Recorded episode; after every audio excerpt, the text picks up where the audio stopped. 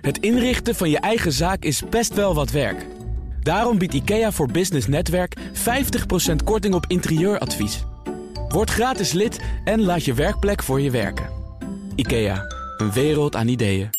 Houder ligt onder vuur vanwege het Wirecard-fiasco. Dat en meer komt ter sprake in het Boardroom Panel. Daarin zit Kees Kools, hoogleraar Corporate Finance en Governance aan de Tilburg University. En Hugo Reumkes, partner en advocaat bij Van Doornen, ook voorzitter van de Raad van Toezicht van diezelfde Tilburg University. Mijn zakenpartner is vandaag Connie Dorrestein, fintech-ondernemer en founding partner van Bankify. Welkom allen.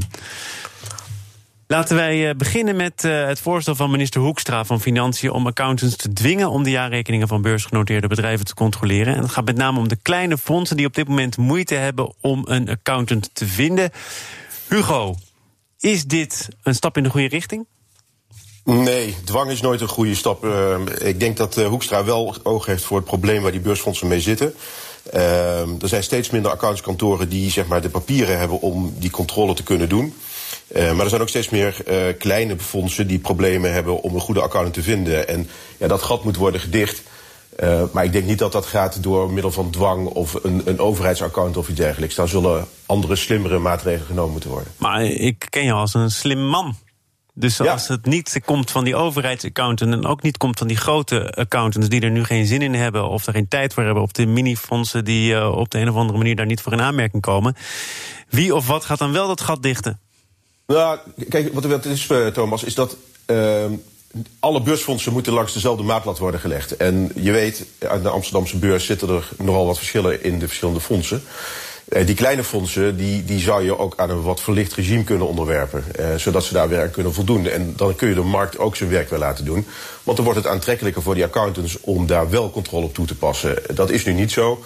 Dus of ze bedanken voor de eer, of ze maken allerlei voorbehouden in hun verklaringen waar die fondsen dan weer niks mee kunnen. Uh, dus het zal toch vanuit, uh, vanuit de regelgeving zelf moeten gebeuren. Dus, dus jij vindt diezelfde meetlat eigenlijk niet meer op zijn plek? Een groot bedrijf nou, zou anders moeten worden gecontroleerd dan een veel kleiner bedrijf? Zo is het. Kees? Nou, kijk, op de eerste plaats, er moet iets worden geregeld. Want, want uh, er is ook een wetgeving, de wet op de accountancy, op de accountants, die zegt dat elke onderneming een uh, accountantsverklaring moet hebben of zich moet laten, laten controleren en dan een of andere soort van accountantsverklaring krijgt. Uh, dus dat staat in de wet. En als vervolgens er geen accountantskantoren zijn die dat willen of, of kunnen doen, ja, dan is het dus ook de wetgever die ervoor moet zorgen dat die andere wet kan worden nagekomen. En wat betreft verschillende, verschillende niveaus, ja, we, we kennen maar één soort. Er zijn misschien, je kunt zeggen, we stellen verschillende eisen aan beursgenoteerde ondernemingen. Maar er is maar één soort accountantsverklaring. En niet alleen beursfondsen, maar alle BV's en V's die, uh, die een accountantsverklaring moeten laten opstellen.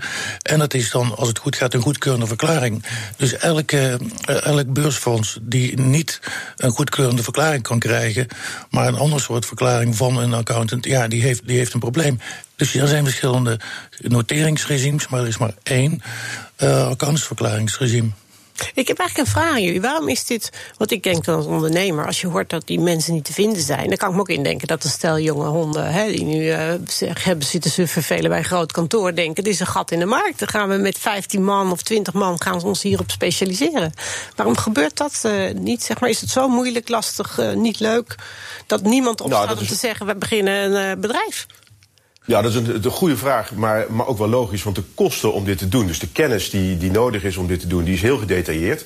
Dus er moet fors geïnvesteerd worden in, in kennis en vaardigheden. Uh, en daarnaast, de, de claims die eruit voort kunnen komen, die zijn omvangrijk. En je moet dus ook dekking hebben die die claims zou kunnen opvangen. En dat brengt grote kosten met zich mee. En dat betekent eigenlijk dat alleen maar de grote accountskantoren op dit moment bij beursfondsen hiermee uit de voeten kunnen. Uh, kijk, het is inderdaad heel gespecialiseerd werk. Uh, zeker, helemaal mee eens. En daar heb je ook niet alleen veel ervaring en expertise voor nodig. Dus jonge honden kunnen dat sowieso niet. Het moet ook accountants zijn, registraccountants. En je zei van ja, misschien is het ook niet leuk. Het is sowieso niet leuk natuurlijk, dat werk. ik, ik, ben, ik ben zelf opgeleid als registeraccountant, maar ik heb het niet voor niks nooit, nooit uitgevoerd. um, en, en bovendien zijn er ook bij die kleinere een aantal die dan ook in, in het buitenland actief zijn. Die grote kantoren hebben daar overal weer hun eigen mensen zitten. Uh, dus voor internationaal opererende uh, fondsen is het sowieso wel. Maar het is veel te specialistisch werk. En het grote probleem Dat zijn de risico's. En dat is ook wel, ook wel weer een beetje paradoxaal in zekere zin. Want waarom liggen die accountants zo onder vuur al jaren, jaren, jaren, jaren? Omdat er toch heel veel ongelukken zijn gebeurd en heel veel echt, ja, echt niet echt foute controles zijn uitgevoerd. Als jij het hebt over wat je eerder zei, hè, die grote kantoren die willen of die kunnen het niet. Die, Ah, ze willen niet. Oké, dus dat wilde ik even aan jou vragen. Het komt vooral neer op willen. Ja, absoluut. Ja, en dat en is ze willen het niet omdat ze niet hun vingers willen branden. Ja, kijk, want dit zijn kleine, relatief kleine bedrijven, dus je verdient er heel weinig aan. Uh, aan zo'n aan zo'n aan zo'n controle. Maar het risico is uh, des te groter, omdat ze, juist omdat ze klein zijn, omdat ze niet heel professioneel zijn. Dus weinig verdienen, weinig verdienen met extra hoog risico, ja, dan hebben ze er geen zin in. Dus er zijn in, zeg maar op hoog niveau twee mogelijkheden. Of er komt een systeem uh, met een soort van loting of weet ik wat, waarbij gewoon gezegd wordt: nou ja, jij, bent, jij als kantoor bent nu aan de beurt, jij dan, jij dan, jij dan. Ja, of toch de staatsaccountant. en dat is geen, helemaal geen revolutionair beroep. Ik weet goed, toen ik 100 jaar, of ja, in de jaren 87 in accountancybanken zat, schoolbanken, op de Universiteit van Tilburg. Toen, uh, toen, werd, toen ging het al over het fundament van het beroep, wat een soort pervers fundament is. Wiens woord men spreekt, ja. woord men spreekt, die sorry, wiens brood men eet, wiens woord men spreekt. er zijn ongeveer 120 maatregelen aangekondigd om dat principe een beetje te doorbreken via allerlei verschillende commissies. En de discussie is nog steeds dezelfde. Mij, professor Meij en de andere Limberg, de, de, de grondleggers van het vak 100 jaar geleden, die hadden het hier al over. Uh, en het is dat fundamentele probleem, dat gaat gewoon niet weg. Uh, en dat heeft, ook, dat heeft ook geleid tot bijna al die ongelukken ja. waarbij, waarbij dan de klant zegt, een bedrijf zegt, ja, maar als je dit niet goedkeurt, dan ga ik, ga ik naar een ander. Ga ik naar een ander enzovoort, enzovoort, enzovoort. Ja, dat, dat, we moeten dat fundamentele probleem adresseren in plaats van elke keer maar, maar weer een lab mee. En het verplicht het roteren. of niet? Ja, ja het verplicht ja. roteren. Hè? Heeft dat ook niet geholpen? Dat je niet uh, eindeloos bij dezelfde account Vraag even aan Hugo, want die is er ook nog altijd. Ja, dat gaat wel goed hoor, dat roteren. Maar dat lost dit fundamentele probleem niet op. Okay. Kijk, de overheid heeft uh, voortdurend meer regelgeving over deze beursfondsen uitgestort. En de accountant moet dus al die regelgeving in de gaten houden en alles controleren. Vandaar dat ik zeg van ja, je zou kunnen overwegen of om, om zeg maar kleinere fondsen ook aan een verlicht regime te onderwerpen. Dat zie je ook bij niet-beursgenoteerde ondernemingen. Daar is hetzelfde aan de hand. En het blijkt snel genoeg of beleggers dat willen accepteren. Want als ze dat niet doen, dan lopen ze vanzelf van die fondsen weg. Ja, ja maar een verlicht regime voor de accountantscontrole, dat bestaat niet. Er is of een onthouding, of een goedkeurende verklaring, of een afkeuring. Er zijn drie vormen die gelden voor alle ondernemingen, beursgenoteerd of niet. Ja, en het is natuurlijk ondenkbaar dat, dat, dat beleggers uh, akkoord zouden gaan met een minder dan goedkeurende verklaring. Want dan lopen ze allemaal hard maar, maar Hugo probeert hier een nieuw pad te bewandelen. Uh, door te zeggen, nou, nou, ik moet je ben het wel met Kees eens oh, hoor. Het, ja, in die zin, kijk, een verklaring moet er wel zijn. Alleen de vraag is, wat wordt door die verklaring gedekt? He, is dat de hele categorie van alle wet en regelgeving die je hebt? Of wil je daar alleen maar de hoofdpunten uit hebben? Dat maakt denk ik het verschil. Je, je moet denk ik niet morrelen aan de verklaring zelf. Je moet, uh, je moet denk ik slim omgaan met de omvang van die verklaring. Wat valt er wel onder en wat niet. En ja, maar dat komt er toch op hetzelfde neer. Als je zegt, ik kijk niet overal naar... dan kun je toch ook niet instaan voor hoe een bedrijf er werkelijk voor staat? Uh, nou ja, ik denk dat we straks over een aantal onderwerpen gaan, gaan spreken... waaruit blijkt dat dat sowieso niet kan. Uh, nou ja, maar, toch, maar toch even, want die goedgeurende verklaring... waar gaat het over? Over twee simpele dingen dat, dat, de jaren, dat er een goed beeld wordt gegeven over, de, over het vermogen en het resultaat. De, de, de, de balans en resultaatrekening. Als je er ook maar iets aan zou morrelen van ja, het, is, het geeft geen goed inzicht, maar wel een redelijk inzicht. Nou ja, alles wat je daarvan afknabbelt, dan heb je al een probleem. Want dan is er dus, dan is er dus minder zekerheid. Uh, is er dus onzekerheid. Nou, en dat is nou net wat beleggers vragen waarom een accountantsverklaring nodig is. En, en wanneer gaan we de eerste uh, robo-accountants zien? Want als het gewoon over enorme hoeveelheden cijfers verwerken gaat, inzichten, stoute dingen eruit vissen, dan kan ik me indenken dat ook technologiebedrijven al wel met robo-accountants bezig zijn. Ja, maar dat gebeurt ook volop. Er wordt dus volop big data analyse en op allerlei manieren analyse, analyse gedaan. Maar het, uiteindelijk gaat het natuurlijk om het gedrag wat erachter zit en allerlei grappen en trucs. Nou, de Wirecard is er een. Maar... Ja, ik stel voor dat we het echt uh, nu over stoute dingen gaan hebben. Momentje. Zaken doen. Kees Kools is hier hoogleraar Corporate Finance and Governance aan de Tilburg University. Hugo Reumkes, partner en advocaat bij Van Doornen... en ook voorzitter van de Raad van Toezicht van de Tilburg University... en mijn zakenpartner van vandaag, Connie Dorenstein, oprichter van Bankify. Uh, Wirecard is al genoemd. We, hadden het al over accountancy, fraudeurs... Uh, en dan is het inderdaad maar een kleine stap naar Wirecard. De Wirecard-saga. De collega's van het FD die portretteerden onlangs Felix Huveld... de topman van de Duitse financieel toezichthouder, de BaFin. Veel kritiek op zijn rol, zeker als het gaat over het controleren van Wirecard... Hij probeert zich nog kranig te weren zo af en toe. Kees, jij kent hem geloof ik, hè? Ja, hij is, uh, we zijn ja, negen of acht of negen collega's geweest bij BCG, de Boston Consulting Group. In de jaren, uh, in de jaren negentig uh, werkte hij daar een jaar of acht. En, uh, in Duitsland weliswaar. We hebben samen nog eens ooit op een, een bankproject gezeten, notabene. Ging wel goed? Ja, dat project ging prima. dat project ging prima. Het was een Zwitserse bank. Het was een Zwitserse bank met veel zwart geld. dat geld kwam echt met, met, met tassen, met, met, met zand, met, met woestijnzand. Zo kwam dat daar binnen. Dat was ongelooflijk. Maar goed, even. Dus ik ken, maar goed, ik ken hem uit die tijd, maar dat is uh, lang geleden. En het was een ander, een, ja. een ander vak dan, dan dit vak. Nou, en de vraag is, uh, Hugo, ik vraag het ook even aan jou, of hij dat vak beheerst.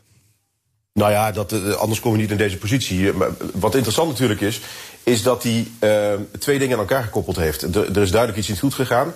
Maar hij heeft bij de Duitse toezichthouder en bij anderen uh, geappelleerd aan iets wat iedereen wel voelt. Namelijk een soort weerstand tegen mensen die short gaan op aandelen. Uh, dat de Anglo-Saxen het, het, gemunt hadden op zijn onderneming. Waardoor de Duitse toezichthouder misschien wat, wat milder zou zijn. Al dat soort elementen zitten er ook in. En dat maakt het eigenlijk wel spannend. En hoe is het toezicht georganiseerd en hoe kun je ook in een niet-Anglo-Saxische context zorgen dat een onderneming wel floreert. Fraude, daar kun je niet zoveel tegen doen. Ik vrees dat dat, uh, dat, dat sowieso de conclusie is. Nou, dan moet ik toch even Connie het woord geven. Ja, ik denk, we hebben er natuurlijk als fintechers ook enorm naar gekeken. Want het gaat niet alleen maar, zeg maar om eindklanten hier en uh, aandeelhouders. Maar het gaat ook om partijen die hun systemen gebruikten zeg maar, om hun klant weer te zien. Hè, het soort van outsourcing-achtige principe. Ik denk dat er gewoon echt hier drie hoofdschuldigen zijn. Natuurlijk het bedrijf zelf en niet alleen de CEO. Andere mensen hebben daar ook van geweten. En dat wordt natuurlijk omgeven door een cultuur van oogverblindende adoratie voor unicorns. Die hebben intern geen tegenspraak, buiten de deur niet. Dus die man is fout. Shame on him. Uh, EY. Ik heb nog nooit meegemaakt. Ik heb een klein prutsbedrijf en ik mag nooit een screen dump aanleveren van mijn, van mijn, hè, van mijn betaalrekening. Dat moet een MT-file zijn. Ja, dus dat, dat is wat hier gebeurd is. Heel boeiend. Ja? Uh, en dan het derde is inderdaad toch ook de BaVin. En ik denk dat daar het, het, het unicorn-adoratieprincipe een vreselijke rol heeft gespeeld. Uh, maar ook heel erg uh, het gewoon niet goed snappen hoe fintech-ondernemingen werken en hoe die passporting van licenties werkt. Uh, je hebt absoluut gelijk als je legally zegt... Wirecard AG is een technology services provider... maar daaronder zaten gewoon keihard banken... en die hebben bankair toezicht nodig. En niemand mag een escrow-rekening in het buitenland aanhouden, laat staan niet. Dus nu krijgt hij ook in alle landen... krijg je vandaag, hè, FBI gaat ook beginnen. Maar, maar je zegt ze eigenlijk, ze begrijpen het gewoon niet. Ze je kunt als toezichthouder op iets als je het zelf ook wel een beetje in de smie Precies, en mensen willen dat gewoon niet graag toegeven. En we hadden toevallig net een mooi gesprek met uh, Paulus ook. Er is niks mis mee om in deze snel veranderende wereld af en toe te zeggen: ho, stop, kan iemand dit even aan mij uitleggen? Ook als je de toezichthouder bent? En aan wie zou die toezichthouder het dan moeten vragen? Goh, die zou gewoon, uh, voordat hij een vergunning afgeeft... en als hij hem heeft afgegeven met zijn team... zich heel erg in moeten verdempen. Hoe zit die structuur in elkaar? En wat, is, wat betekent het paspoorten van licenties? Wat betekent het vasthouden van geld in een een subbedrijf en wie in welk land heeft bescherming nodig. Denk jij ook dat het hier meespeelt dat ze inderdaad uh, onvoldoende begrip hebben van hoe fintech werkt, hoe Wirecard misschien in elkaar zat? Ja, die, ook als je toezicht bent. Maar juist als je toezichthouder bent, dan moet je natuurlijk begrijpen waar het, uh, waar het over gaat. Nog even een opmerking over, over dat shortcellen. Kijk, er is niks met shortcellen. Niks mis. Even met... in de context, Bavin heeft dat namelijk verboden. Ja, nee, daarom. Ja, ja, ja, ja, omdat, het net, uh, omdat net werd genoemd. Hè. Kijk, het is, het is, een aandeel kan twee kanten omgaan. Omhoog of omlaag. Als je het aandeel niet hebt en je denkt dat het gaat, dat het gaat stijgen, kun je het kopen. Maar als je een aandeel niet hebt en je verwacht dat, het, dat, dat de koers gaat dalen, heb je maar één mogelijkheid. Dat is shortcellen. Dus shortcellen is, is in feite hetzelfde als kopen, maar dan, maar dan, dan omgekeerd. Dat is één. En tweede is, ja, waarom, uh, waarom is die toen dat shortcellen uh, verboden? Dat was omdat, en dat, dat vind ik het meest kwalijk, omdat er artikelen waren verschenen binnen ja. Financial Times op basis, niet alleen op basis van, van, van, van externe analyse, maar op basis van een klokkenluider. Achteraf blijkt, blijkt dat dus volledig juist te zijn. De Financial Times is ook niet een krant die zomaar eventjes wat, Nee. wat de wereld ingooit. Dus je had alle gelijk van de wereld. En is op basis daarvan is dat shortcellenverkoop ver, ver, verboden. Ja, dat is echt, dat is echt heel kwalijk. Sterker nog, de journalist is voor het gerecht gehaald ja. in Duitsland. Hè. En dat heeft toch ook met dat unicorn-principe te maken. Wij hebben nu als Duitsland ook eindelijk eens een unicorn. En nu zullen we ook voor die, die mannen gaan staan. En, en die adoratie voor te succesvolle, te snelle successen... daar moet je professioneel argwanend voor zijn. Dat moet je als, aandeel, als je aandelen koopt, maar dat moet je zeker als je toezicht Dat houdt. begrijp ik. Maar ik wil nog even terug naar het eerste punt dat Hugo hier maakte. Als er sprake is van fraude op deze schaal, dan valt er eigenlijk heel erg weinig aan te doen. Is dat niet een eh, makkelijke conclusie? Want we hebben het net gehad over de taak van accountants. Maar als er dus echt op grote schaal dingen mis zijn, ja, dan, dan is het niet anders. Ja, dat is het niet anders. Dat, kijk, natuurlijk, het valt niet uit te roeien. Je hebt eens gekeken, op dag 1 van de beursgenoteerde onderneming 1604 met de VOC was het al een groot drama. Jij gaat al een tijdje mee, hè? Ja, Ehm, en, mijn, en mijn geschiedenisboeken zeker. Eh, en dat is nooit minder geworden. Wat wel meer geworden is, is het aantal regels enzovoort enzovoort. Maar elke keer waar het misgaat, dat is niet op kennis en vaardigheden, dat is op het gedrag. Ik heb eens ooit analyse gemaakt van de 25 grootste beursschandalen rondom de eerwisseling. Eh, die top 25, dat was allemaal het gedrag van, van de CEO's. Drie dingen, narcisme, geloof in, in, in luchtkastelen, groeitargets boven de 15% per jaar en ex- eh, excessieve beloning. Als je daarnaar kijkt en andere gedragingen. Ik, ben, ik heb eens even gekeken gisteren naar, eh, naar de interviews van meneer, weet je, meneer. ehm, Ah, de CEO van Ja, eh, Wirecard. Ja, ja, in ik, eh, 2018 toen. had weten. In 2018 was overigens heel, was wel heel interessant. Toen kwamen zij terecht in de DAX, zeg maar de, de Duitse AX. En dat ging ten koste van. De, de, de, de Commerzbank, dus een oude bank, werd vervangen door een fintech-achtige achtige bank. En toen zei meneer eh, Marcus Brown. Marcus Brown, Jawel. die zei. eh, die werd toen, over hem werd gezegd, nou, hij heeft geen enkel gebrek aan zelfvertrouwen. Ehm, dubbele punt. Hij zegt, het is de rol van een voorzitter en zeker voor mij om op een organische manier de hele wereld te gaan veroveren. En dat zal ik ook gaan doen. Nou, dat is één zo'n gedragsding. Teken, kenmerk. En een aantal andere, Beetje ambitie. een aantal toch? andere rode vlaggen die al, die al aan moeten, moeten leiden dat de commissaris enzovoort. zo. Was ook bij Imtech, was het, was bij Ahold, overal. Het is, het is meestal te zien en te voelen, maar er wordt niks mee gedaan. Heel goed dat je Imtech even noemt. Want daarmee komen we aan het volgende onderwerp in dit panel. Ja, maar hij- hij is hier vaker geweest, dat kan niet anders. Het onderzoek naar de ondergang van het bedrijf dat dreigt stil te vallen. Reden, het geld bij de curatoren is op. Eh, eh, Hugo, allereerst denk ik net dat het wel even belangrijk is om, om duidelijk te maken... hoe worden curatoren eigenlijk betaald? Waar komt het geld vandaan? Curatoren die worden betaald uit de boedel van het faillissement. Dus in dit geval van Imtech worden de twee curatoren eh, betaald uit de, uit de verkoop van de activa van Imtech. Ja, daar moet er nog wel wat zijn, overigens, hè? En dat is er ook. En eh, dat is er ook. En dat is ook goed gegaan. Maar ja, die, onderzoeken waar we net ook over hadden, zeker in gevallen waar complexe structuren spelen en, en, en eh, ingewikkelde eh fraudegevallen of andere problemen aan het licht komen, daar moet onderzoek naar plaatsvinden. En nou ja, dat is bij Imtech kennelijk ook het geval. Dat heeft geleid tot hogere uitgaven, hoge kosten. 25 Eh, miljoen hebben ze de afgelopen jaren uitgegeven. Ja, en ook de curatoren doen het niet voor niks. Dus eh, de, de bodem van de schatkist is in zicht. En nu is de vraag die, die voor ligt. eh, eh, je ziet in, in de proceswereld al dat als er problemen zijn, dat er alternatieve financiering wordt gevonden. Dus dat er mensen zijn die zeggen. Ik wil wel investeren in die claim, want ik verwacht dat die succesvol zal zijn. En de vraag die, die nu voor ligt, en dat hebben journalisten van het Financieel Dagblad uitstekend eh, gevonden, is dat de curatoren dit aan het onderzoeken zijn. Dus zij willen gaan kijken of er externe financiering voor een onderzoek te vinden is. En ja, daar kun je, daar kun je van alles van vinden. Nou, bij- inderdaad, bij- want in dat stuk wordt er ook aangegeven dat er risico's aan verbonden zijn. Weer een partij aan tafel met een eigen belang. Het is allemaal niet zo voor de hand liggend. Helemaal niet, want eh, de curatoren zitten daar voor de gezamenlijke crediteuren. En als er een financier komt die een specifiek belang heeft, is natuurlijk de vraag of die curatoren nog steeds voor dat generieke belang kunnen optreden. Of dat ze heel specifiek toch de belangen van die financiers eh, gaan behartigen. En ja, dat wil je voorkomen. Maar wat- ik niet zo goed begrijp is. Er was een heel groot tekort natuurlijk bij, bij Imtech. Maar dat tekort is het, is het saldo van activa minus de passiva. De bezittingen minus de schulden. Ehm, en er waren wel redelijk wat activa, maar alleen de schulden waren veel hoger. Wat ik niet goed begrijp is dat, dat ze het zover hebben laten komen. Er moet aan het begin toch ruim voldoende activa geweest zijn om, uh, om nog voor jarenlang al die curatoren enzovoorts te betalen, hebben ze dan eerder uh, ergens anders al uitkeringen gedaan of wat dan ook. Ik begrijp er niks van in dat, in dat opzicht. Hoe kan dat? Nou, er is volgens mij nog wel geld in kas. De vraag is alleen hoe, hoe ver moet dat gaan. En waarschijnlijk hebben ze nu onderzoek gedaan en gaan er vervolgens allerlei mensen aansprakelijk gesteld worden. En de verwachting is dat daar dan wel weer geld in de kas vloeit, die vervolgens kan worden uitgekeerd aan de, aan de crediteuren.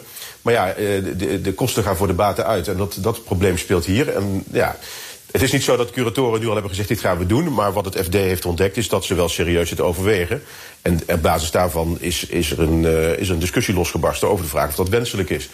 Maar zou het kunnen, zou het kunnen zijn dat de curatoren dit hadden kunnen voorkomen als ze eerder al veel langer geleden aan de bel hadden getrokken en gezegd en een beetje vooruit hadden gekeken en gezegd van nou ja, dat gaat een probleem opleveren straks potentieel.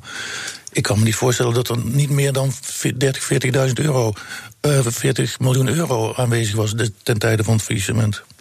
Nee, ik, maar ik denk ook dat deze discussie veel interessanter is voor de brede faillissementspraktijk. Door COVID krijgen we natuurlijk te maken met meer faillissementen. En de vraag, eh, stel je voor dat je geconfronteerd bent met een lege boedel, maar dat er uiteindelijk wel procedures kunnen worden gevoerd om die boedel te vullen. Wil je dat dan doen door middel van procesfinanciering? Ik denk dat dat een hele legitieme vraag is. Ja. En, en, wat is jouw eh, voorlopige antwoord? Want dat wordt inderdaad relevant als er meer bedrijven over de kop gaan en hiermee te maken krijgen. Ja, Thomas, net hoorde je zeggen dat ik niet zo geloof in de, in de staatsaccountant. Uh, maar hier geloof ik wel. Nee.